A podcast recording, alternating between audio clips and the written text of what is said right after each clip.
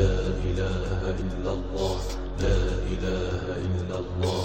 الملك القدوس السلام المؤمن المهيمن العزيز الجبار المتكبر الخالق البارئ المصور الوهاب أسرار ومعاني وبركات أسماء الله الحسنى.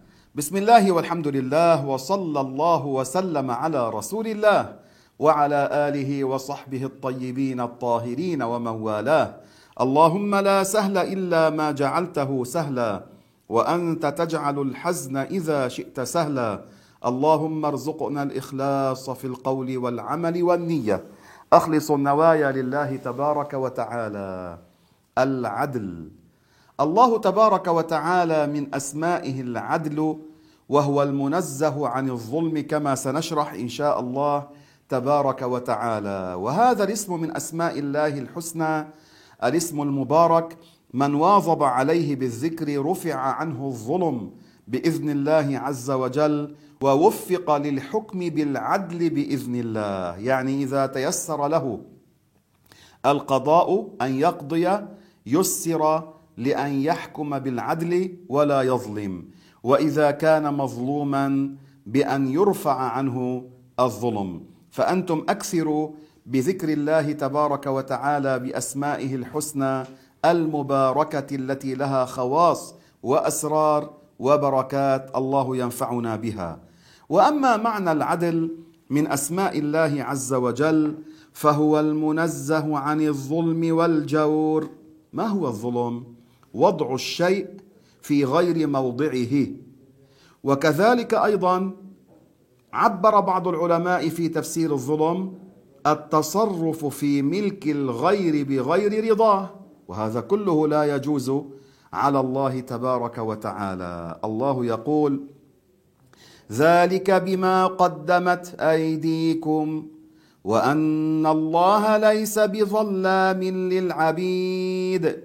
فاذا الظلم وضع الشيء في غير محله التصرف في ملك الغير بغير إذنه مخالفة أمر ونهي من له الأمر والنهي لذلك الظلم مستحيل على الله. فلو عذب الله أهل أرضه وسماواته ما كان ظالما لهم كما قال النبي عليه الصلاة والسلام وكما جاء عن صحابته الكرام فقد قال ابن الديلمي أحد التابعين رحمه الله أتيت أبي بن كعب هذا أبي كان يلقب بأبي المنذر وكان أقرأ الصحابة صحابي جليل.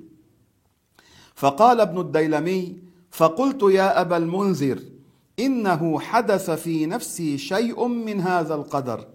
ليس معناه شك الذي يشك في القدر هذا ما عرف الله. ما آمن بالله من كذب بالقدر أو شك بالقدر. يعني المؤمن يصدق أن ما يكون في هذه الدنيا كل ما يكون في هذه الدنيا بتقدير الله يحدث بمشيئة الله وتقديره. فقال ابن الديلمي التابعي لهذا الصحابي أبي فحدثني لعل الله ينفعني. يعني أنتفع بكلماتك. قال ان الله لو عذب أهل ارضه وسماواته لعذبهم وهو غير ظالم لهم. الله الله. من أهل السماوات الملائكه المجبولون على طاعه الله الذين لا يعصون الله ما امرهم ويفعلون ما يؤمرون. ومن أهل الأرض الانبياء عليهم السلام الذين هم صفوه خلق الله. ومع ذلك لو عذبهم لا يكون ظالما لهم لأنهم ملك له. والله يفعل في خلقه ما يشاء. قال ولو رحمهم كانت رحمته خيرا لهم من أعمالهم. فالرحمة من الله إحسان وكرم وليس واجبا على الله عز وجل.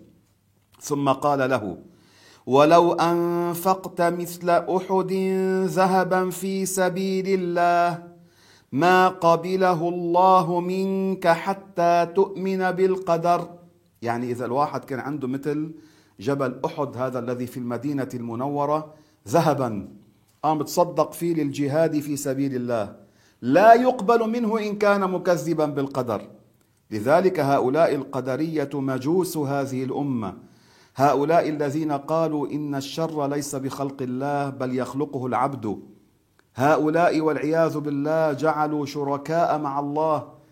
الرسول عليه الصلاة والسلام سماهم قدرية وقال عنهم مجوس هذه الأمة لأن المجوس يقولون إله للخير وإله للشر. وهؤلاء قالوا يوجد خالقين مع الله فهؤلاء وافقوا المجوس بل عقيدتهم أشر.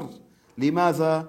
المجوس يقولون يوجد إلهان أما هؤلاء قالوا بالآلهة والخالقين والعياذ بالله من دون الله ومع الله. فلذلك اعرفوا أن التكذيب بالقدر ليست عقيدة القرآن ولا هي عقيدة الأنبياء ولا هي عقيدة الصحابة والآل بل نحن نؤمن بالقدر خيره وشره. يقول سيدنا أبي وتعلم أن ما أصابك لم يكن ليخطئك وما أخطأك لم يكن ليصيبك ولو مت على غير هذا دخلت النار.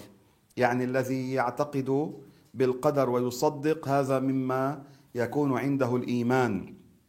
هذا من الإيمان الواجب. وأما من كذبه هذا يدخل النار خالدا فيها أبدا. قال ابن الديلمي ثم أتيت عبد الله بن مسعود صحابي آخر. فحدثني مثل ذلك مثل ما قال يعني أبي. قال ثم أتيت حذيفة بن اليمان الصحابي الجليل صاحب سر رسول الله فحدثني مثل ذلك.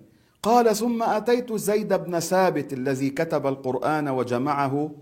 قال فحدثني مثل ذلك عن النبي. يعني هذا الصحابي رفع هذه الكلمات على أنها من كلام الرسول صلى الله عليه وسلم. فالله تعالى لو ابتلى عبدا صالحا ببلاء فلا يكون ظالما بذلك.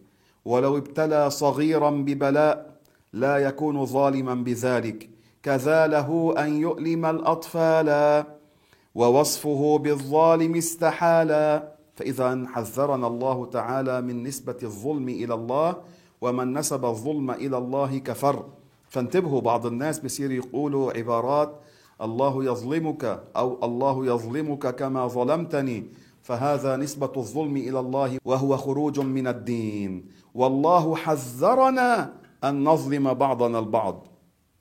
الله تعالى قال اتق دعوة المظلوم. الرسول صلى الله عليه وسلم قال لمعاذ حين بعثه إلى اليمن اتق دعوة المظلوم. فإنه ليس بينها وبين الله حجاب يعني إنها مجابة. وقال عليه الصلاة والسلام اتقوا دعوة المظلوم فإنها تحمل على الغمام. يعني هذه مجابة وتنزل عليك اللعنات بهذا الظلم. وقال الله في الحديث القدسي للمظلوم وعزتي وجلالي لأنصرنك ولو بعد حين. فلذلك كن عبد الله المظلوم ولا تكن عبد الله الظالم. فيوم القيامة كل إنسان يعطى كتابه وهذا الكتاب لا يغادر صغيرة ولا كبيرة إلا أحصاها. فلينظر الواحد منا ماذا قدم للآخرة. بعض الناس الله يوفقهم ولا يبيعون الآخرة لأجل الدنيا. ولكن يوجد ناس وما أكثرهم في زماننا يبيعون الآخرة لأجل الدنيا. فأقول لهم ما أهون أن يعاني الإنسان الشدة في العيش والفقر والشغف والضنك والجوع ولو سخر الناس منه في مقابل أن يعذب والعياذ بالله في نار جهنم. هذه يا أحباب يعني الفهمان للدين بيعرف إنه هذه كلا شيء كل شيء عذاب الدنيا كلا شيء أمام عذاب الآخرة. وإياك وصحبة السوء فإنهم يجرونك للمفاسد فإن الصاحب ساحب فإن الصاحب يسحب صاحبه إما إلى الخير وإما إلى الشر. ولينظر الإنسان ماذا يفعل. ولأي شيء يفني عمره وجسده يعني بأيش يعمل في هذه الدنيا وماذا قدم للآخرة ما تزرعه هنا تجده يوم القيامة في الآخرة. وهنا فائدة أخيرة الله تبارك وتعالى نهانا عن الظلم والظلمات بعض الناس يعجل عليهم العقاب في الدنيا وبعضهم يعجل عليهم في الدنيا والقبر. وبعضهم يعجل عليهم في الدنيا والقبر ويعذبون في الآخرة. الله يجيرنا. بعض الناس في الدنيا ينزل عليهم بلايا عامة. يعني كل هؤلاء القوم يهلكهم الله في الدنيا. تخسف الأرض بهم مثلا. وبعضهم يكون دون ذلك. يعني ولو كان واحدا ينزل عليه بلاء انتقام من الله. بعض الناس في قبورهم تشتعل قبورهم نارا. كان واحدا مرابيا يتعاطى الربا اشتعل قبره نارا. فصار الناس يأتون إلى بعض العلماء يسألونهم ماذا نفعل له؟ قالوا اذهبوا واستسمحوا الناس الذين أكل أموالهم بالباطل. فصاروا يستسمحوا الناس واجتمعوا عند قبره وقرأوا القرآن حتى هدأت هذه هذا الدخان وانطفأ. هذا كان مسلما لكنه كان يأكل المال بالباطل. وبعض الناس يؤجل وهذا الأكثر إلى يوم القيامة. وما ربك بظلام للعبيد. اللهم يا الله يا الله يا عدل يا حكم جنبنا الظلم والظالمين ولا تجعلنا من الظالمين واجعلنا من المتراحمين. يا الله يا الله. لا إله إلا الله لا إله إلا الله.